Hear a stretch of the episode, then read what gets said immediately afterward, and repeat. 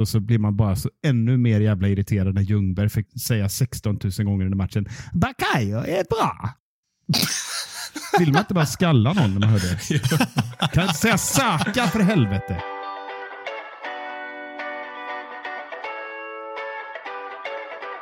Can Manchester United score? They always score. Rooney! Oh, wonderful! It's Berbatov!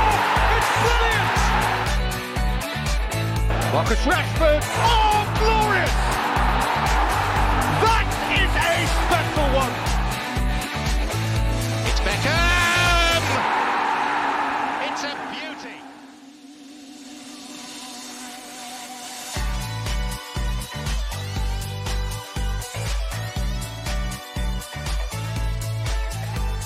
God morgon, förmiddag eller kväll när du än lyssnar ska du känna dig ruskigt välkommen till ett nytt avsnitt av United-podden.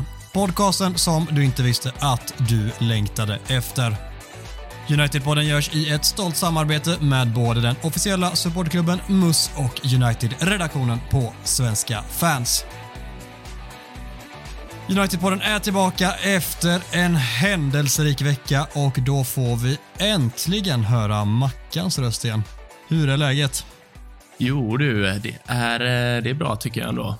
Trots eh, gårdagens eh, insats och att vi är i mitten av januari som oftast är rätt trött så tycker jag ändå att det är bra.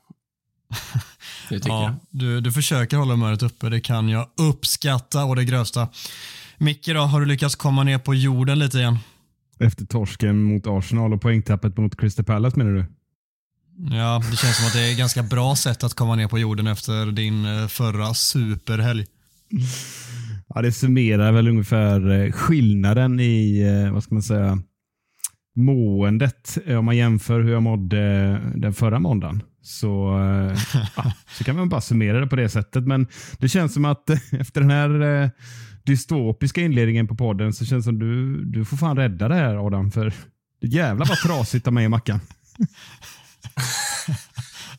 Ja, vi, vi, vi kan gå säg in något snart på vad jag har liksom. gjort. Eh, Ja, nej, det, det kan jag absolut inte lova att jag kommer göra. Men jag tänker vi kan gå in på min helg snart som är, eh, om era är liksom två plus så kanske mina är tre då, vilket är eh, högt i sammanhanget. Men eh, alltså, vi måste ju tacka för den otroliga responsen vi har fått på förra avsnittet. Det är nog det avsnitt vi har fått nästan mest respons på av alla vi har spelat in och det är ju mycket tack vare dig Micke och Gustav som levererade briljant content från Manchester. Så vi, vi ska inleda med att tacka så mycket för det. Det är jätteroligt att så många har hört, hört av sig, att det är så många som har lyssnat på avsnittet. Mackan, du som inte var med, hur, eh, eller snarare vad tar du med dig från det avsnittet, du som har lyssnat på det i alla fall? Ja, mycket. Men jag, tyck, alltså jag tycker att det är, det är det bästa avsnittet eh, vi har spelat in, tror jag. Eh, om det var för att jag inte var med låter jag vara osagt. Men eh, det, det känns som vi fick med, att ni fick med så jävla mycket liksom, på, på 90 minuter och det blev, det blev inte tråkigt någon gång, vilket det ändå kan bli när vi ja, svävar iväg ibland så kan det bli lite, vad fan händer nu? Eh, Jag tycker att eh, det var 90 minuter kvalitet. Så eh, vad tar jag med mig? Jag tar- med mig Mickes dåliga mage. Jag tar med mig Mickes olika poser. Och, och jag tar med mig Gugges freudianska freudianska, vad fan sa han? Sociala Eh, experiment eller vad lilla- ville kalla det. Experiment, ja. Ex exakt, det, Ja. det tar jag med mig. Han styr mina tarmar och det är, det är en jävla tur att det inte är fysiskt möjligt att göra det. Men det är rätt kul att vårt bästa avsnitt är också ett avsnitt där jag blir totalt jävla förnedrad genom hela av- avsnittet. Nej, skämt åsido. Fan bjuda lite på sig själv alltså. Det, det är roligast. Jag, skratt, jag, jag skrattar gött här för mig själv när jag satt och lyssnade när eh, Gustav pratar om det här freudianska experimentet och liksom säger till Micke att eh, jag har ju kontroll över dina tarmar just nu. Så, så att det liksom var ett, det var ett påstående att han har det. Det var så gött. Det är, ba, det är bara Gustav som kan säga det med sån självklarhet också. Nej, det, det tycker jag var kul. Åh, herregud. Ja, vi, alltså. eh, vi, vi eller snarare jag fick nästan kritik av det, man kan att jag inte skrattade mer åt det i podden, men jag tror det var så sjukt att jag inte fattade riktigt. Jag blev paralyserad istället. Ja, jag förstår det. Ett plus eh, helg på mig, två plus helg på dig Mackan och eh, Adam då? Sex plus eller? Nej, fan. Som sagt, eh, eller jo jag, har haft en jätte, jo, jag har haft en jättebra helg. Jag har varit, eh, återigen, jag sa ju det förra att jag har varit i Uppsala och nu har jag varit det igen och det, det låter ju sjukt att vara det två gånger, framförallt om man bor på alltså, andra sidan landet. Men det, det blev så av, eh, av anledningar helt enkelt. Och eh, nu var det väl framförallt för att fira min födelsedag med ett gäng polare och det det känns idag, måndag så att säga, fortfarande. Eh, det blev en två dagars med allt eh, från eh, karaoke och studentbarer och studentklubbar och sena nätter. Ni vet hur det är och det var fruktansvärt roligt och jag ångrar ingenting men fan vad sliten jag är idag och med det sagt igår var fan ännu värre. Men fan vad härligt det låter. Men jag bara säger en sak. Litet, njut så länge det varar. Jag minns när jag var 26. När jag var 26 år gammal. Då kunde man ju gå till jobbet med en timmes sömn. Prova att dra den helgen när du är 40 plus. Får du se hur det går. Ja, ja, nej, jag ska ju absolut inte sitta och klaga med dig Micke i samtalet såklart. Men eh, jag, jag kommer att tänka på det nu du nämnde karaoke. Att, eh, jag skulle ju så otroligt gärna vilja sjunga karaoke med dig Micke. Vilken hade varit eh, din go-to-låt där framför, eh, framför publiken? Oj, fan vad svårt. Det, oj, oj, oj, oj, oj. Alltså, vad ska vi dra till med här? Inte Rångedal i alla fall. Det kan jag ju lugnt säga att det hade inte blivit. Då hade du bajsat ner det.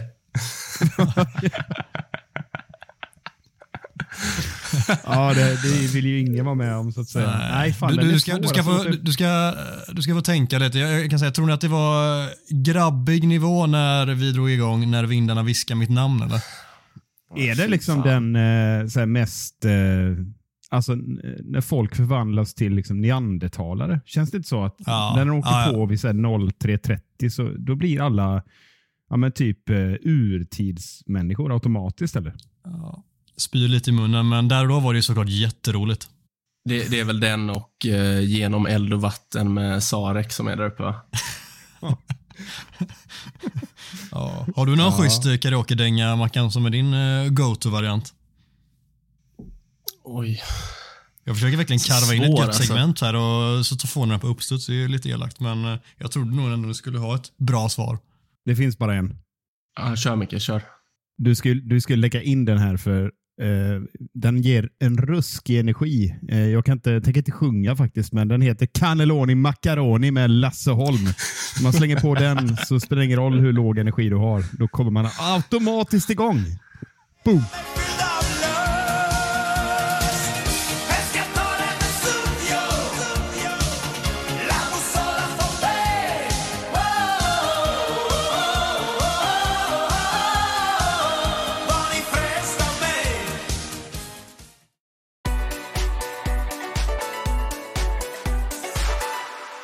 United har en tyngre vecka i ryggen efter totalt en poäng på två matcher mot Crystal Palace och Arsenal. Den förstnämnda matchen känns aningen överflödig att diskutera allt för mycket nu utan att jag tänker att vi mest konstaterar att det var en jävla bajsmacka att få Casemiro avstängd och dessutom släppa in ett en på miljonen mål extremt sent i matchen. Istället så ska vi prata om gårdagens match när vi spelar in detta. Det är eh, jävla tungviktare mot Arsenal på bortaplan som snöpligt åter resulterade i ett sent baklängesmål. Innan vi går igenom veckans macka, Micke, hur tung var förlusten? Ja, men det är klart som fan att den är tung. Det, det går inte att svara någonting annat när, när, när vi förlorar på stopptid. Men eh, i min mage så eh, satt jag och väntade på, på det där 3-2 målet direkt efter kvitteringen egentligen. För det var satans vad vassa Arsenal var igår. Och eh, det är klart det stör, stör mig något enormt att vi på nytt släpper in ett mål på stopptid. Men eh, det är ingen tvekan om att det var rättvist. Så att jag är inte så jävla besviken som man kan vara, även om jag inte alls tycker om att förlora mot just Arsenal. Nej, jag håller med dig. Det Märkligt nog var jag inte så besviken. Det kanske berodde på att jag eh, var så jävla sleten också, men jag kände inte heller att det... Det är klart att det är jätte, liksom, deppigt och frustrerande att släppa in i målet, men lite som du säger, det hängde i luften. Det, United gjorde en väldigt svag andra halvlek och eh, det var väl lite förväntat på ett annat sätt. Det, det känns tyvärr som att det är Arsenals år i år nu och det är ju fruktansvärt bittert att eh, konstatera det. Mackan, du ska få gå igenom en veckans macka. Det har varit lite tag sedan nu och eh, i klassisk manér är det lite depp-variant också. Det har du saknat va? Ja, det var länge sedan. Det var länge sedan. Nej, men jag, jag tänkte faktiskt ändå eh, försöka hålla mig relativt positiv och inte, inte skicka iväg två bajsmackor, utan det blir bara en bajsmacka och så får två spelare lite eh, klapp på axeln istället. Det, det känns mest eh, vettigt och genomtänkt här. En ny jag. modifierad Mackan. Uppgraderad liksom. Vad har hänt? Ja, jag vet inte om det är uppgraderat. Det kanske är bara att jag har tappat min eh, hunger. Jag vet inte. Vi får se. Tappat hungern. Ja, jag börjar med bajsmackan så ställer vi av den och så kan vi jobba oss eh, från andra platsen till första platsen sen. Alltså jag, jag tycker den är lite svår. Jag, jag, jag ska säga att jag har gått igenom tre olika namn här i mitt huvud under dagen. Eh, och Den första är Erik Ten Hag och det låter eh, jävligt hårt kanske, men jag tycker att eh, man ska kunna kräva mer av en tränare eh, under, eh, eller framförallt eh, matchcoachning, både Palace och Arsenal. Men riktigt så illa kanske inte är. Och då står det mellan Eriksen och Wan-Bissaka. Som båda gör helt... Jag vet inte vad de pysslar pysslade med igår, om jag ska vara helt ärlig. Ehm, så jag- alltså jag vet inte, det är lite Ole Dole Doff här för min, eh, från min sida. Eh, och jag vet inte riktigt vem jag ska landa i om jag ska vara helt ärlig. Men eh, eh det, jo, det blir, det blir Wan-Bissaka på grund av att han är så... Eh, alltså, första målet vi släpper in, jag vet inte vad han sysslar med. Eh, och det är positionsspelet där han brister många gånger igår. Eh, som vi har varit inne på under poddens historia här, att det är ju där han har så det är där han brister. Hans försvarsegenskaper blir överskattade för att han är så bra på att tacklas, men rent positionsmässigt så har han det ju inte i sig. Uppenbarligen, oavsett vem, vem som tränar honom. Så eh, nej, Wan-Bissaka, höj dig. Det här håller inte jag alls med. Vi spelade med tio man i andra halvlek. Vad gjorde Anton i andra halvlek? Jo, jag, jag vet, men det är, också, det är också jävligt lätt att landa på Antoni, men hur, hur lätt är det att spela ytter när vi blir totalt nerpressade och knappt har bollen? Sen kräver jag tusen procent mer av Antoni, men jag tycker det är lite, jag tycker, jag tycker det är hårt läggare, ge det bajsmackan till honom när Wan-Bissaka står för så pass fundamentala felbeslut och eh, aktioner. Alltså ja, jag vet, det är klart att fan att det inte är bra rakt igenom vad Bisaka heller, men jag tycker att han, han sliter och jobbar i alla fall med, med hjärtat på rätt ställe. Eh, han gör ju inget med vilje, men Antoni springer ju, han ser ut som han spelar i en torktumlare i andra halvlek. Alltså, han kommer inte ner eh, och, och täcker eh, rätt och, när, och sen när han väl eh, kommer ner, ja, men då går bollen upp. Alltså, han var det bland det sämsta positionsspel jag har sett. Och sen igen, första halvlek, visst han har lite bättre fart, men det är flera läger han kan, han kan värdera på ett helt annat sätt som gör att vi får omställningar eller för den saken skulle prova att utmana någon jävla gång än att bara göra samma sak hela tiden. Och när han väl utmanar så blir han av med bollen. Så att jag tycker han var, alltså att han kom ut i andra halvlek är ju naturligtvis Ten Hags ansvar.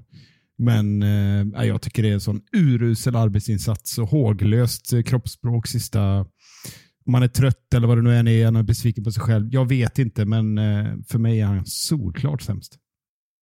En jäkla schysst eh, högerkant United där med två spelare som ni totalsågar för sitt positionsspel. Det, det kanske förklarar ett och annat här var- varför det gick som det gjorde i matchen. Men med det sagt så um, båda de två är ju eh, underkända givetvis. Jag tycker nog att Anton är lite sämre än Wan-Bissaka.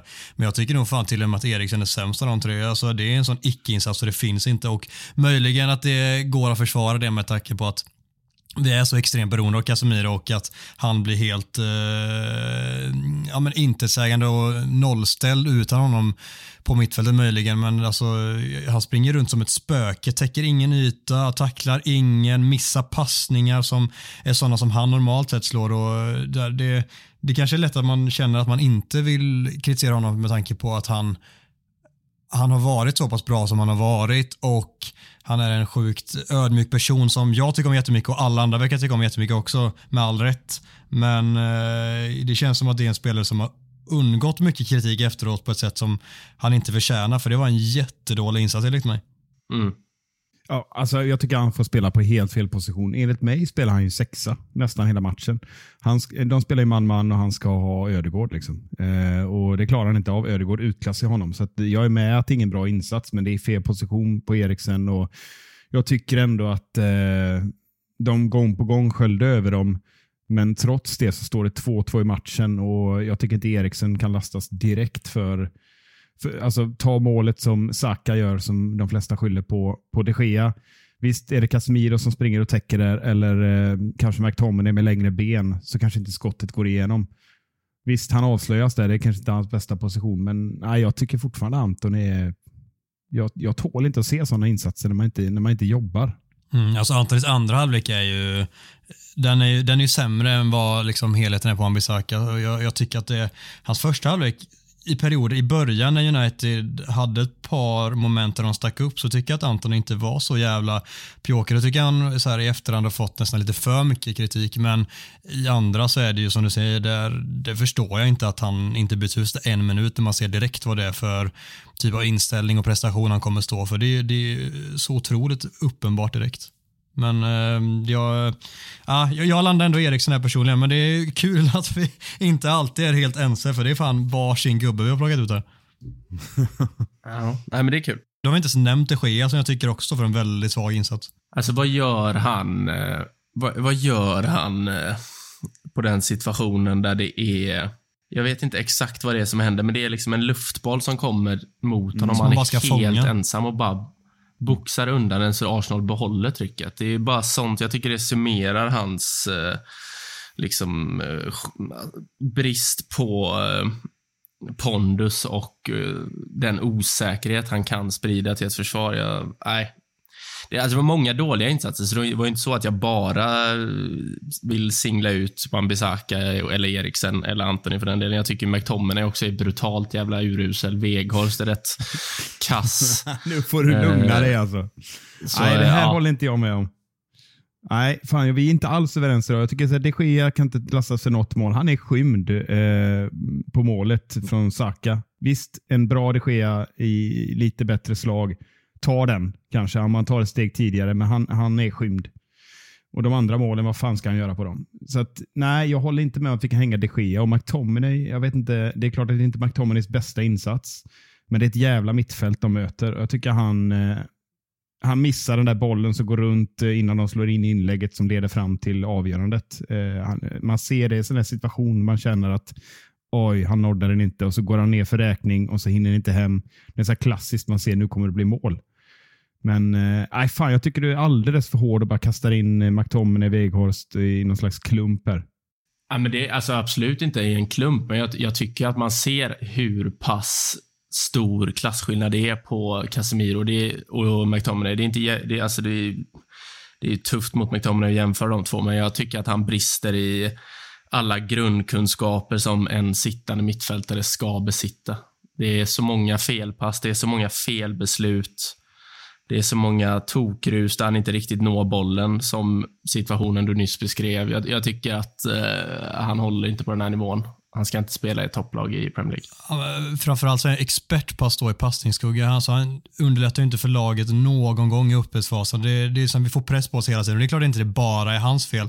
Det är många andra spelare som också brister liksom i den delen under matchen mot Arsenal. Men den rollen har ju visat sig vara så otroligt viktig och som du säger, det är jätteelakt att, ersätta, eller att jämföra McTominay med Casemiro men det blir så otroligt tydligt när McTominay springer runt där och inte kan komma nära bollen för han springer runt och gömmer sig medan Casemiro hela tiden får en spelbar, kan lätta upp passningsspelet och så kommer vi ut därifrån. Med det sagt så möter vi också Arsenal som är bäst i ligan just nu. Hatten av för det. Men jag tycker fortfarande att det är en svag insats av McTominay också. Jag är mer på Mackans sida än Mickes, men ja, jag är inte heller alltid lika hård som Mackan.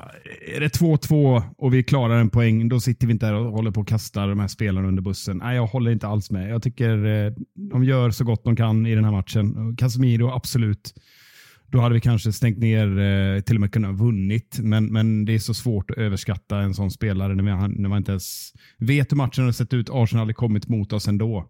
Så jag, alltså jag, fan, jag tycker det är för hårt. Eh, de, han hade en plan för McTominay. Jag tycker McTominay kom inte in i matchen. Han står mycket passningsskugga, men han sprang satan, kämpade, slet stängde ner eh, emellanåt, tycker jag, på ett bra sätt. Så jag vet inte, vi får inte ut så mycket mer av honom i en sån här match. Så jag. tror det är svårt att göra en bättre match.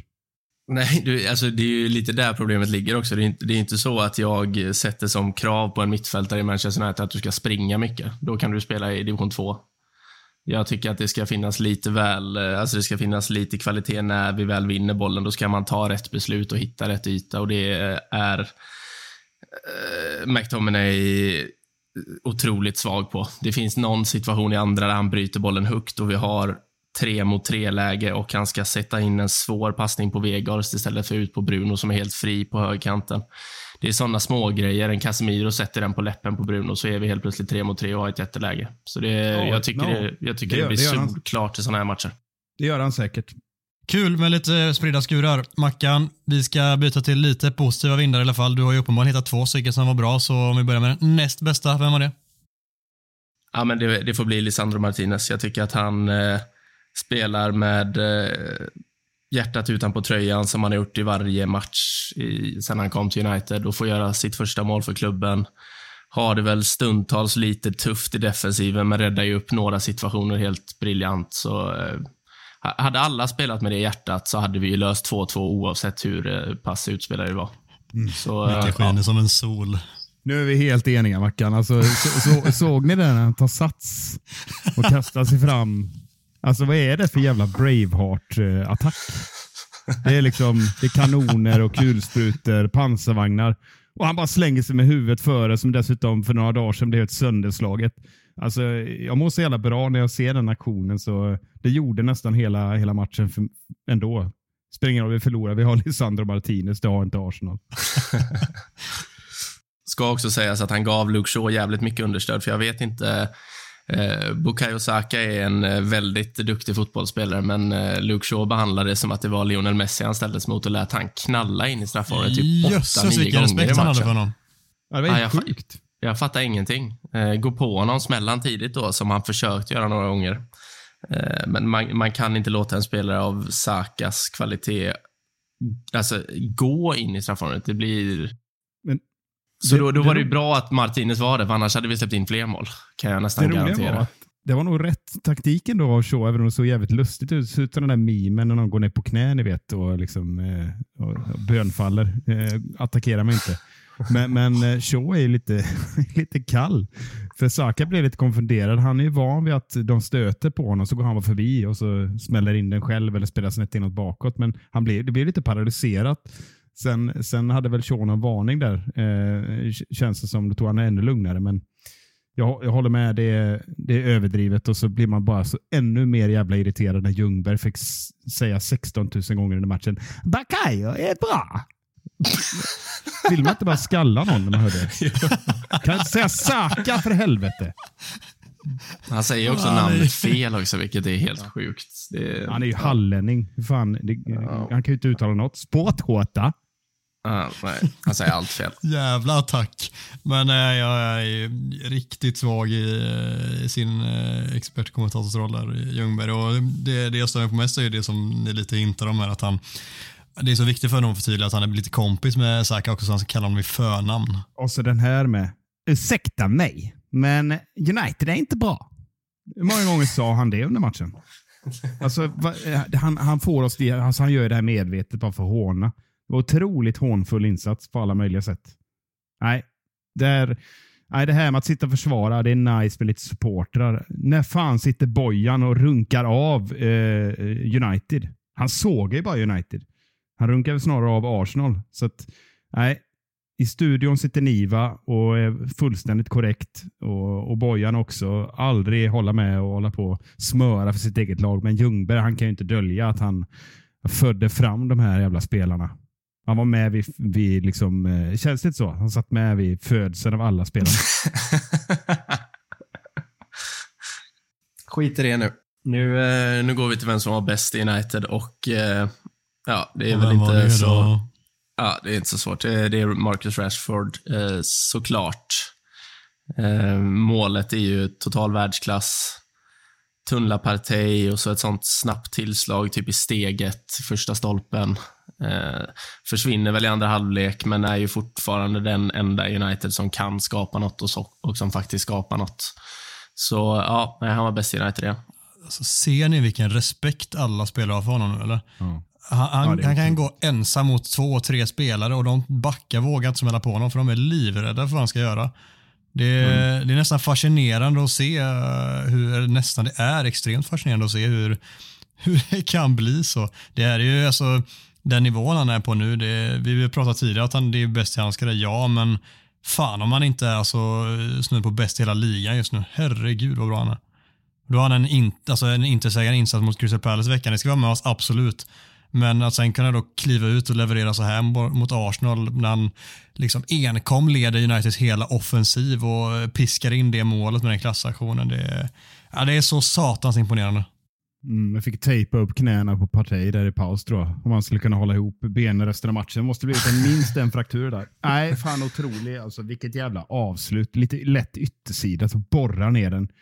Ramsdale är väl sex meter lång. Han når inte ens ner. Ja, det, det var så jävla skönt. Det är bara synd att vi inte kunde kapitalisera på, på det ledningsmålet. Jag håller bara med. Han är fantastisk just nu. Det är bara att njuta så länge det här varar.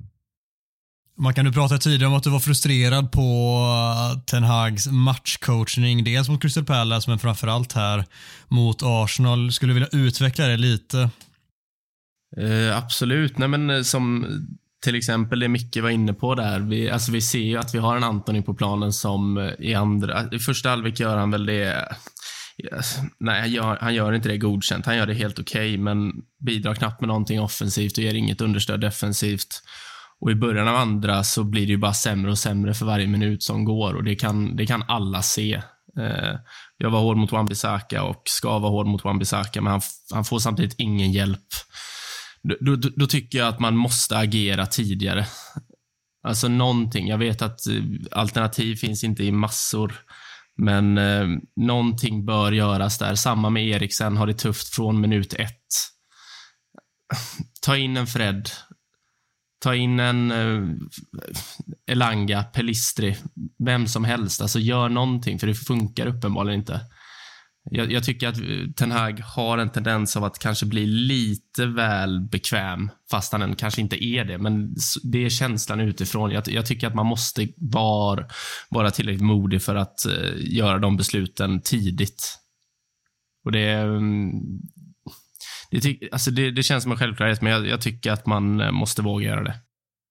Jag, jag var jävligt förvånad att de inte ställde upp med, som de har brukat avsluta matcherna nu, med eh, Fred på plan. Då, så eh, det blev som en slags diamant på mitten där Bruno kommer in kommer upp lite mer eh, från sin högerkant, kommer in i mitten också. Eh, och Han hjälper ju till bra mycket mer. Och så Freds löpstyrka. Det måste nästan ha varit någon form av problem med Fred. Jag blev så förvånad att han, att han väljer att gå med Anthony. Jag gissar att det berodde på att han ville hota Arsenal så att inte Arsenal kunde trycka upp för mycket så, vi, så de skulle vara rädda för, för två kanter. Men vi såg ju alla att det behövde inte vara rädd för, för Anthony och det var väl det enda Ljungberg sa som var vettigt. Alltså, han är inte bra defensivt och han hotar inget offensivt. Varför är han kvar på planen? Och Det är en bra analys för eh, då kan man lika gärna ha Fred på plan och Bruno då som, som, eh, som har eh, ah, fan bättre löpstyrka än vad Anthony har. Och Frågan är om inte han är en bättre spelare på, på att ta sig förbi eh, alltså han med passningar istället för att försöka springa förbi dem eller rättare sagt springa rakt på dem. Så jag blev jätteförvånad att, att han inte startade med Fred. Och sen som du säger Mackan så är det väldigt märkligt att man inte gör en förändring och börjar chansspela lite. Och Veghorst, eh, som vi inte har pratat om så mycket mer än att du tyckte han var dålig, tycker jag är, eh, är det så här oväntat. eh, Jag är lite, han förlorar rätt mycket nickdueller. Däremot så var han eh, exceptionellt bra på att ta tillbaka bollen genom att överraska Arsenals mittfält och även mot Pallas, som vi ska bredda det lite. Otroligt många gånger när han sprang ner och bara tog bollen. Eh, och nyttig liksom i, i, i, i det lilla tysta. så, Men jag tycker han vinner på tok för lite i luften och, eh, och tycker inte jag tar så mycket djupledslöpningar som jag hade velat se. För det spelet saknade vi ju mot Arsenal. Och det var Arsenal duktiga på att stänga ner. Så att jag tror den matchplanen, förutom att vi höll i bollen bra i första halvlek, så tror jag inte Ten Hag är så nöjd med den. Och när han kände att de inte hade någonting att stå emot, då ville han bara jobba mot krysset. Och då var, det var ganska nära att klara det. Men eh, jag tycker han sabbade den från start genom att ställa upp med Anthony. Mm, och det är, är, alltså är det första gången jag funderar på matcherna som varit här under säsongen, men det är nog banne med den första gången sedan typ den där Brentford-matchen där det känns som att, eh, och där var det ju såklart jättemycket spelarnas fel också, men att han, sen dess så tycker jag att eh, hans matchcoachning och taktiska upplägg har inte varit felfritt, men eh, mer än vad man har kunnat önska sedan dess. Och det här är nog första gången som man sitter där och känner att fan, det, det här hamnar inte helt rätt. Och det är klart att det är lätt att känna det efter en förlust, men det känns verkligen så också. Ibland så kan man förlora och tränaren har haft ett perfekt taktiskt upplägg, men det kändes inte som så i det här fallet, utan det snarare kostade oss och det, det är jävligt synd. Men även han ska göra sina misstag och lära sig av dem också. Det var ju helt uppenbart att han lärde sig väldigt mycket av de första matcherna och förhoppningsvis så har han gjort det igen, för jag är helt med. Det är klart att Fred skulle ha startat. Vi vet inte om det var någonting annat som det berodde på, men antagligen så var han spelduglig med tanke på att han kunde hoppa in sen. Och då eh, förvånade väldigt mycket att han inte täppte till på det mittfältet, för där var vi ju totalt översprungna hela matchen och det kändes ju så på förhand också, särskilt utan Casemiro, att med det starka mittfältet som Arsenal har som är så otroligt väloljat och funkar så extremt bra så är det ju en sån spelare som behöver in på det mittfältet utan Casemiro. Så där gick han verkligen fel och det, det är väldigt synd att inte, hårt sagt, men det ger oss själva mer chansen än vad vi gör.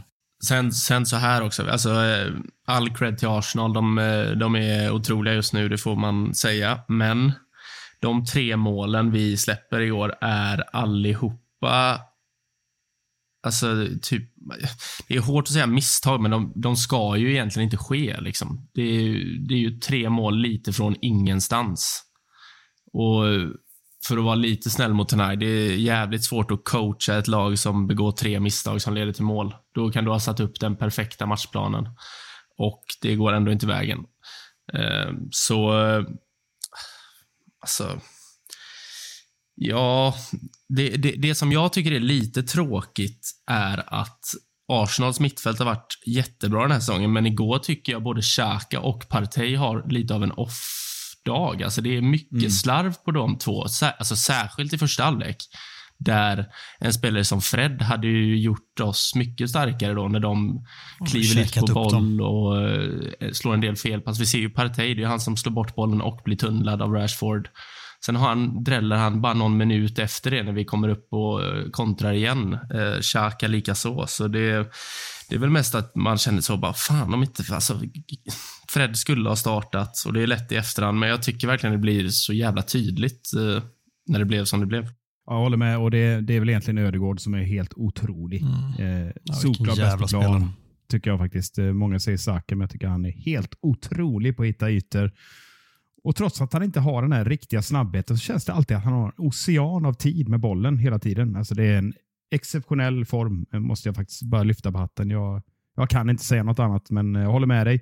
Xhaka eh, har ju varit mycket bättre resten av säsongen. Han, han kändes uppäten tycker jag lite grann av Uniteds press. Så, så usla var vi inte på mitten men, men, och Partey hade, var, såg lite nonchalant ut ibland. Men de är ju grundstarka på ett annat sätt. Ett Arsenal för några år sedan så hade ju direkt med liksom det där 1-0 målet så hade, så hade de klappat ihop tror jag. Men det, så är det inte längre. Nej, tyvärr.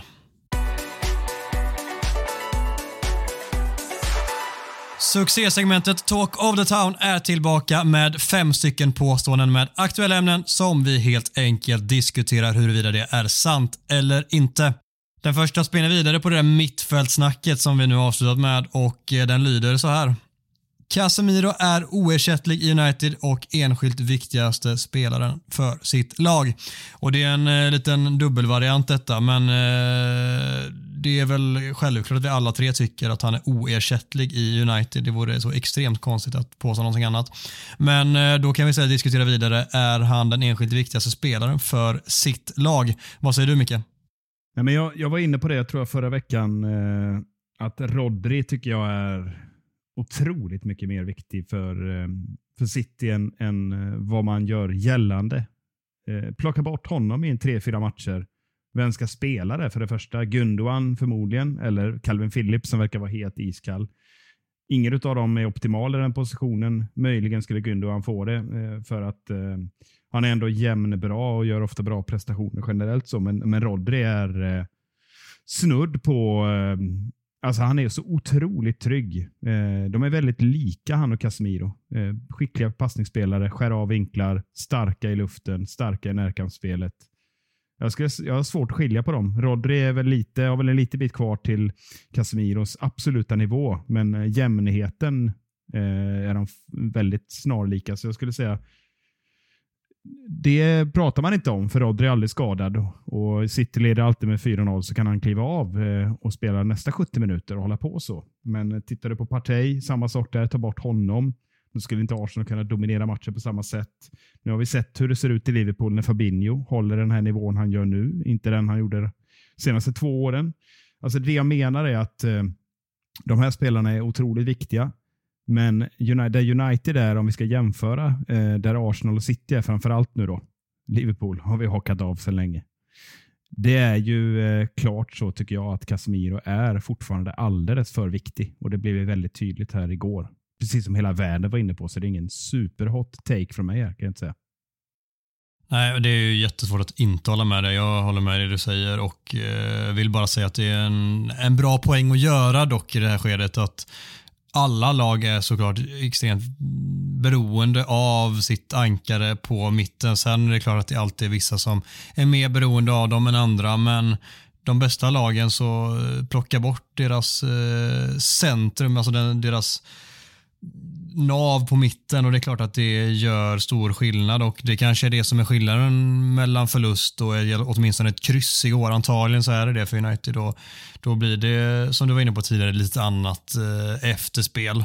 Eh, vilket är så det funkar på gott och ont. Men eh, ja, det, jag ska säga, i slutändan så landar jag ändå att Casemiro just nu är viktigast av alla för sitt lag för att United är också mer ofärdiga än ett ofärdigt lag än vad City är, än vad Arsenal där framförallt. Ja, nej, nej, jag har väl egentligen ingenting att tillägga. Jag, jag håller med i allting som har sagts.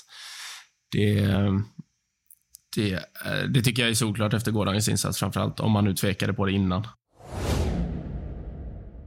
Kritiken mot Anthony är överdriven och endast driven av prislappen. Alltså, jag tycker inte det. Jag, jag har tyckt det fram till VM-uppehållet kanske. Att eh, det är lätt att hata på en spelare bara för att han kostar mycket pengar och eh, kanske inte gör mål varje match eller gör assist varje match eller vad det var. Eller vad det kan vara. Eh, men nu, alltså han är ju en eh, one show pony som de säger i England. Det, det liksom, man vet vad one som... One trick pony eller? Nej, jag menar det. One trick pony. Man vet exakt... Pony, ja, det är mitt egen snickrade uttryck här hemma. Nej, men man... Vi har avsnittsnamnet avklarat. det var gött. Nej, men man vet exakt vad som kommer hända när han får bollen varje gång. Det spelar liksom ingen roll vart han är på planen. Eh, det kommer bli några sulor framåt och sen stannar vi av det och så hittar vi en pass hem i banan.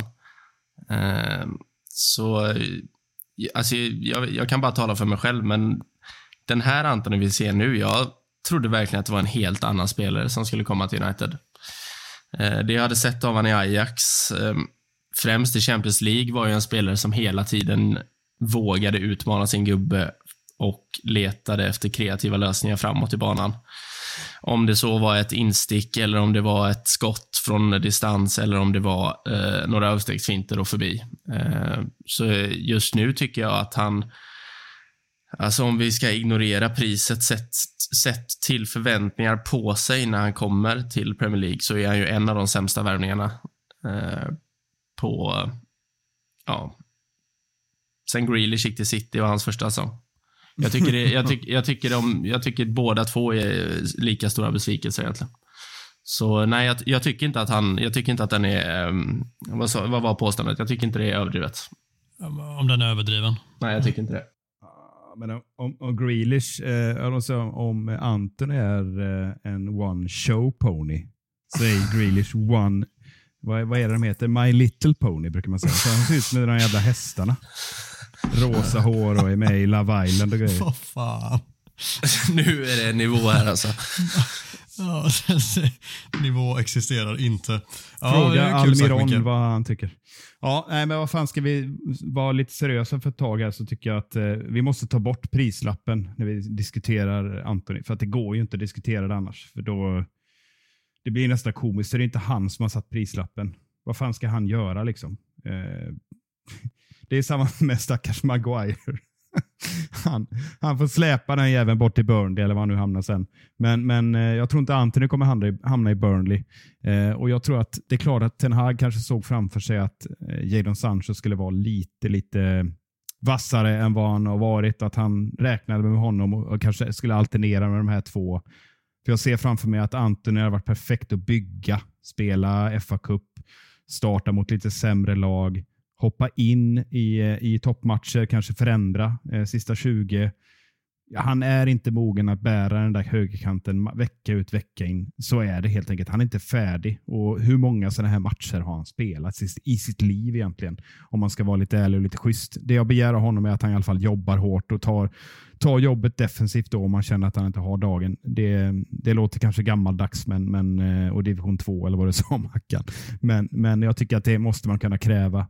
Så det är klart att får vi upp konkurrenssituationen där och Antoni kan bygga upp sig själv igen så jag tror att han, vi kommer få se en annan Antoni men det kommer nog kanske ta ett tag. Det känns som att han har fått en eh, lite för stor roll lite för tidigt och det vittnar ju många United-journalister eh, om att United vet att de överbetalade för honom. Det är inget snack om det. Och det var liksom, i det här fallet var det talangen och potentialen man betalar för och man tror inte någon i klubben hade förväntat sig att han skulle in och färga och vara fullständigt briljant sin första säsong. Jag tror inte det, men jag tror att man hade förväntat sig att han skulle vara väldigt mycket bättre än man har varit i eh, stora delar. Och eh, med det sagt så håller jag liksom med i mångt och mycket kritiken som finns mot honom. Bara att jag tycker att som egentligen allt så blir det så Eh, om man överdrivet ska dras liksom hela vägen alldeles för långt över vad som är rimlig kritik och det är väl så många funkar och jag fattar att det är så men jag tycker att det alltid blir så. Så dålig har han inte varit som, du säger, som många säger att han har varit men han har fortfarande inte varit eh, så bra som jag och många med mig hade önskat och det är klart att då byggs det upp en frustration och eh, man kallar honom en fidget spinner och allt vad det nu är. Får jag, får jag, bara lägga till en sak innan vi, innan vi droppar Anton här? Alltså, det som är mest störande med honom är ju att han faktiskt inte gör det han är bra på. Det är lite där jag tycker att kritiken inte blir överdriven, för han är ju bra på att utmana, skapa ytor för medspelare eh, och vara en kreativ kraft från sin kant. Eh, nu gör han ju ingenting.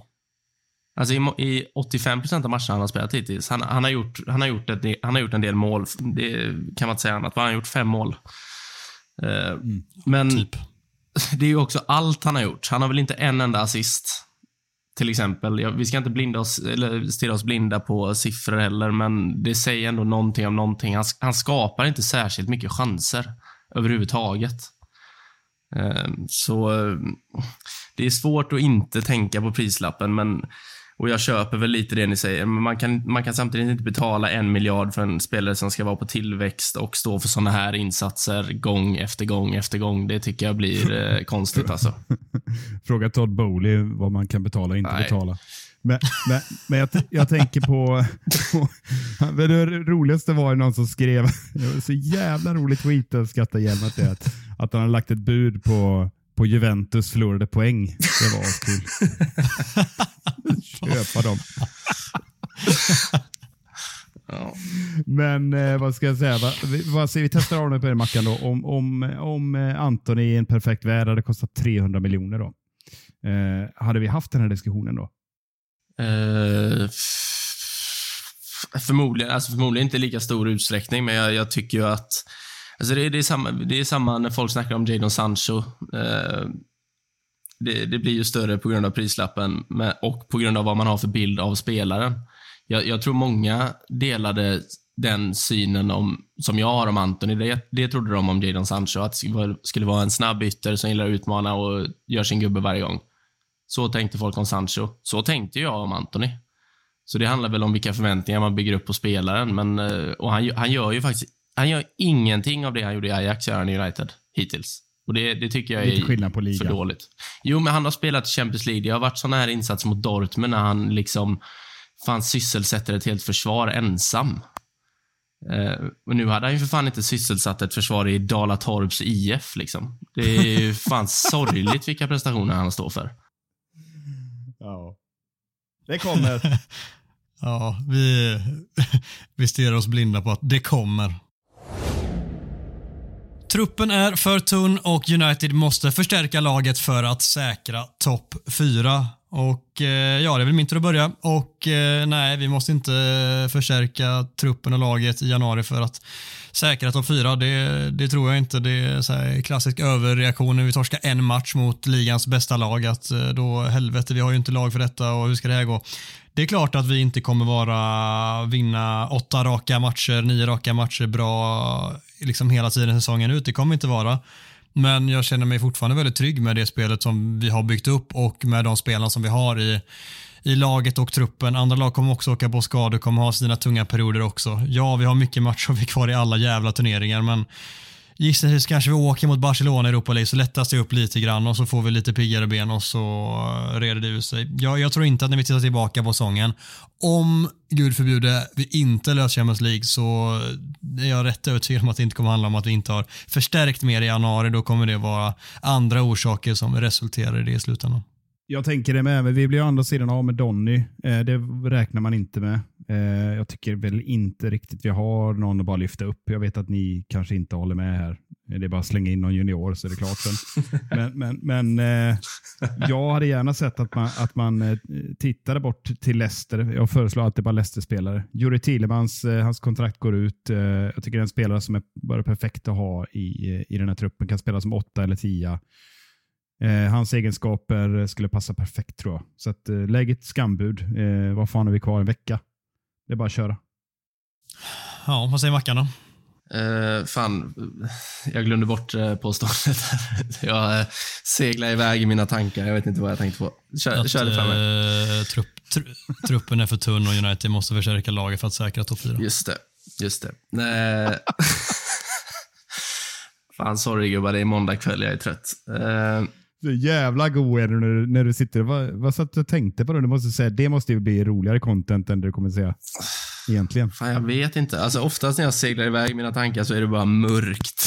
Det är liksom, det är liksom bara ett svart hål av ingenting. Skit i det. Maguire går in på mittfältet, var det du sa. uh, ja, nej men alltså, jag, jag, tycker att truppen är för tunn. Det tycker jag. Uh, och Jag läste någonstans idag nu att över de nästkommande, eller om det var från och med den första februari, att på 32 dag, dagar kommer United spela 10 matcher. Det är ju helt sinnessjukt alltså.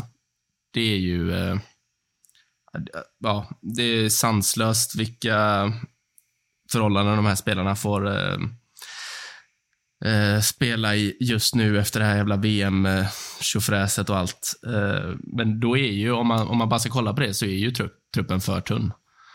Eh, men jag, jag, tror ju, jag tror ju ändå att vi kommer knipa topp fyra. Eh, och jag tror att om vi missar det så beror det nog inte på att vi inte har gjort några förstärkningar. Eh, och det, det, baserar jag väl egentligen enbart på att Tottenham, Chelsea och Liverpool ser så jävla dåliga ut. Alltså fy fan vad dåliga de ser ut att vara. och då tror jag att United kommer ta tillräckligt mycket poäng för att hålla, hålla dem bakom. Fan, nu kan jag inte prata eller hålla... Eh... Vad händer? nu, seglar jag, nu seglar jag iväg mina tankar igen. Hålla... Ja, vad kul ändå. Hå, vad fan säger man? Hålla... Ja, men vad fan. Skitsamma, ni fattar vad jag menar. De kommer sluta nedanför United oavsett om vi eh, ja, investerar Chelsea, inte. Om, om Chelsea lyckas köpa Juventus poäng eller köper ett annat lag, Manchester City till exempel, och lägger ner det. Det måste väl vara ett scenario som kan vara möjligt ändå. Ja, då blir det tufft. Då, eh, då kommer vi femma. Ja. Nej, det är flummigt, sorry gubbar, men ni fattar vad jag menar. Jag, jag tror, jag tror att eh, vi löser topp fyra och eh, eh, jag tror inte att eh, det kommer bero på bristen av investeringar om vi inte gör det. Där kommer jag fram till eh, Ingen har någonsin slutsats. tagit så lång tid på sig att säga en så enkel sak. Briljant nu. Förväntningarna är för höga och kritiken mot lagets prestationer är helt obefogad. Ja, jag hakar på det du sa nyss där Adam, att eh, det är typiskt att få liksom panik här efter förlust mot, eh, mot det här Arsenal-laget som eh, har han legogubben som tränare som har haft eh, fyra år på sig att leka ihop det här laget eh, och Ten Hag har haft eh, sex månader. Liksom. Så jag säger bara andas för helvete. Det, det, jag skäms inte ett dugg för att torska mot, eh, mot Arsenal på övertid. Enig, Mackan? Ja, nej, men jag har väl varit lite kritisk här. Eh, och då får jag väl nyansera det så gott jag kan. Eh, och jag har varit inne på det förr. Jag tycker fortfarande att man ser gamla United i det här United. Jag tycker att det är lite pannben mjukglass i ganska många situationer och lägen. Eh, jag vet att Ten Hag var inne på det igår, att mentaliteten hos spelarna måste förändras och jag tycker att Alltså, vi, vi kan ta Palace-matchen som exempel. Jag var så jävla säker på att det skulle bli poängtapp. Jag bara kände det på mig. liksom. Slå City i derbyt och sen bara vika ner sig fullständigt mot ett alltså, riktigt svagt Palace. Det, det är så United de senaste nio åren. Um, så, uh, ja, kritiken är obefogad. Uh, men jag, jag, tycker att kritiska röster måste eh, höjas också. Och jag tycker att mentaliteten eh, stundtals är jävligt svag alltså. Thierry Henry har rätt. Erik Ten Hags filosofi är mer underhållande än Sir Alex. Ja, vad ska man säga här? Alltså, det är ju, för det första får vi tacka för, för komplimangen. Det var väldigt vad, vad han håsade upp Ten Hag och jag tycker väl det, det är trevligt och så, men det är lite för tidigt att säga och ska man liksom som jag ser tillbaka på Sir Alex, det, det, är väldigt lätt att bara drömma att allt var helt fantastiskt. Men om man tittar på dem så hade han ju en annan filosofi och fotbollen såg annorlunda ut. Ni vet det här. Men, men Sir Alex absoluta eh, bästa egenskap tycker jag var att liksom maximera spelares potential. Och det har ju inte Ten Hag hunnit göra än. Liksom. Så det, det, är lite svårt att jämföra 26 år med ett halvår. Liksom. Eh, men samtidigt så kanske Erik Ten Hag är, har en lite mer tydligare spelfilosofi då eh, och kanske är lite mer den typen av tränaren. Eh, jag hatar att säga det, men lite åt pepphållet då. Som där systemet är överordnat eh, snarare än att utveckla spelarna maximalt. Om ni förstår vad jag menar. Så att eh, jag tror ju Ten Hag har det här i sig. Eh, att både bygga, både bygga spelare, människor eller klubb eller vad det nu än är.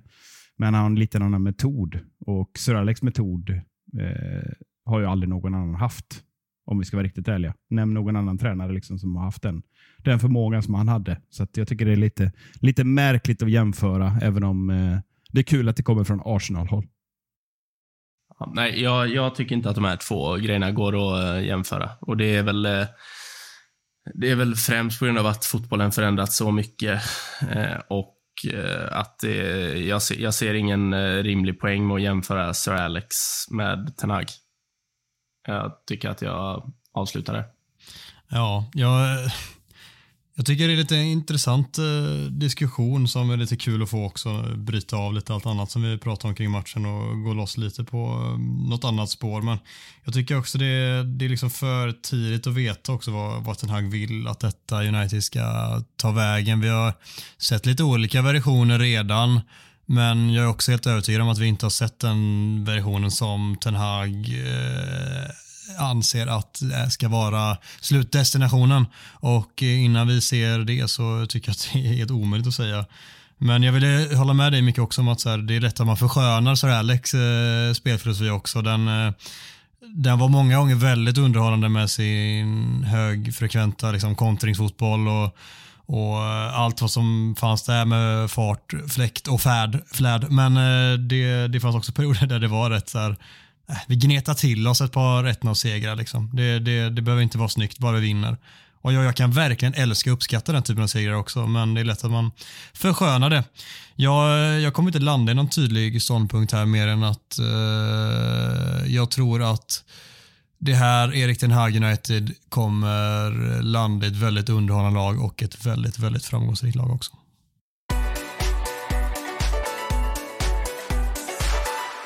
Härnäst väntar ett möte med Nottingham i ligacupens semifinal. Det är den första matchen av två och den spelas på bortaplan på onsdag klockan 21.00. Den här matchen nämner vi bara kort. Vad slutar den Mackan? Eh, 2-0 United. yes. Jag tycker att vi går bara rakt på nästa fokusmatch istället. Det, folk kommer inte hinna lyssna på podden knappt innan den matchen har spelats så det känns onödigt att eh, dissekera den allt för mycket. Ni vet, ni som inte har sett matchen ännu, det blir 2-0. Ni andra, kul att ni vill se 2-0. Veckans eh, fokusmatch istället blir den mot Reading på lördag klockan 21.00 i FA-cupen och här har ju faktiskt Micke fått sätta ihop en gör trevlig motståndarkoll. Visst har jag det och det är lite speciellt där. Jag måste säga att jag har inte stenkoll på, hade inte stenkoll på Reading och Championship för övrigt. Liksom. Det är inte så att jag sitter och kollar de där matcherna så jätteofta, men det är ju lite, kittlar lite grann med tanke på vem det är som eh, håller i rodret där borta nu mer. Det har ni koll på va? Gamla fina Paul Ince. Ja jävlar ja. Just det. Och eh, det är rätt kul när man tittar tillbaka på Paul Inns tränarkarriär här så kan man notera då att eh, direkt efter spelarkarriären så, eh, så körde han ju på där under några år med tre stycken ettårsuppdrag eh, som han tog sig an och Man kan väl konstatera att eh, det var lite blandad framgång. Eh, så. Och Den röda tråden i hans ledarskap verkar vara att han kommer in eh, och eh, skapar eh, energi och får fart på lagen. Men sen händer det ofta någonting som leder till att han får sparken. Och, eh, vi, vi, ska inte liksom tråka ur det med det, men, men det, är, det är väldigt korta sessioner här både i, i Blackburn Rovers, Notts County och, och Blackpool. Så att, jag vet inte och Sen tar han ett skönt åttaårsuppehåll innan han återkommer här i Reading och tar över dem i februari då här eh, i fjol, slutet på fjolårssäsongen och eh, räddar kvar Reading med två poäng tror jag det handlar om på slutet. Eh, och Tittar man på hur det har gått nu då så kan vi notera att de ligger på den 14 platsen. Eh, en fantastisk plats i Championship att ligga på. Eh, 11 poäng ner till, eh, till kvalstrecket och 5 poäng upp till Boro på eh, kvalplats. Eller rättare sagt slutspelskval eller vad det nu heter. Det är ett bra hemmalag. Det är det femte bästa hemmalaget. Men eh, näst sämst är de när det gäller bortaspel. Bara 11 poäng på 15 matcher. Och formen är inte så jättegod heller. De har en vinst de senaste sex matcherna i ligan. Och förvisso då däremellan så slog de ut Watford för att ta sig till eh, den här omgången av FA-cupen. Så eh, om man tittar på spelarsidan så finns det något mer att lyfta där. Det är rätt intressant att hans son Thomas Inns, eller Tom Inns som han också kallas, eh, de verkar trivas ihop. Eh, för övrigt så har eh, Junior gjort flest mål eh, eh, i hittills den här säsongen med sex mål. Han har ju kamperat ihop med farsan tidigare, både på lån i Notts County, eh, även i Blackpool blev han ditvärvad. Eh, och Eh, trots att, eh, att han redan eh, han kom dit en månad innan pappa tog över så kan man misstänka att det hade ett samband. Och Nu har de alltså återförenats i Reading igen. då. Det är lite speciellt, får man ju säga. ja, men utöver det så kända namn i Reading så har vi gamla Scott Dan från Palace. Vi har Shane Long som sprang runt och orienterade i SA-15 många år och sen eh, gamla fina Andy Carroll som naturligtvis missar matchen på grund av skada. Vad hade vi för odds på det? Ja. Fan vad tråkigt ändå. Ej spelbart. Ja, jättetråkigt. Han får, han får gå in i Liverpool istället och ersätta Nunez där. Eh, likadan. Variant.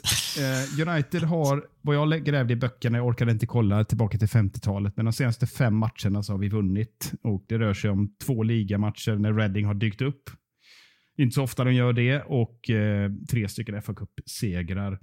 Jag minns eh, när jag tittade tillbaka på den här matchen så, eh, från 1 december 2012 så vann United med 4-3. Kommer ni ihåg den här matchen? All, alla mål i första halvlek va? Ja, du är helt galen. Du har säkert pluggat på här för ditt, ditt minne kan inte vara så här vasst när jag kommer be dig om målskyttarna också. Jo, jag, jag tror Men, jag tar dem eh, alltså. Jag tror jag tar målskyttarna. Som, som, så du är inne på så gjordes det alltså sju mål på 26 minuter. Från matchminut nummer åtta, ja, ni kan räkna själv, fram själv. Liksom. Det är helt ofattbart. Till den 34 minuten så görs alltså alla sju målen. Eh, och vilka gjorde Uniteds mål då, Mackan? Det är väl Andersson, van Persie, Rooney. Det är någon jävel som gör två. Tror jag. Är det Rooney som gör två? ja. Det är helt korrekt. När man inte vet vem som har gjort mål, eller vi oss på quizen, så säger man alltid att Rooney gjorde två. Ja, De har exakt. Ja, helt galet. Men med tanke på den statistiken och, och allt vad det nu är med Paul Ince. Eh, det känns som det var ganska länge sedan och ja, Liverpool och det äckliga som hände sen. Så det skiter vi och så städar vi av det med ganska lätt, eller? Vad tror ni? Ja, det blir inga konstigt. Det blir eh, 3-0 utan att förta sig med en eh, relativt B-betonad 11 mellan två eh, ligacup semifinalmatcher. Så det är väl jättetaget, Mackan. Det är väldigt taget. Se fram emot eh, Jack Butland eh, i mål. Det har varit kul.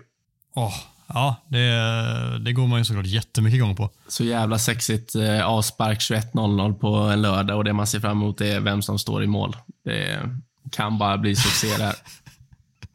Jag, jag såg också att Reading kommer från en 4-0-torsk mot Stoke i ligan, så i toppform är de ju inte.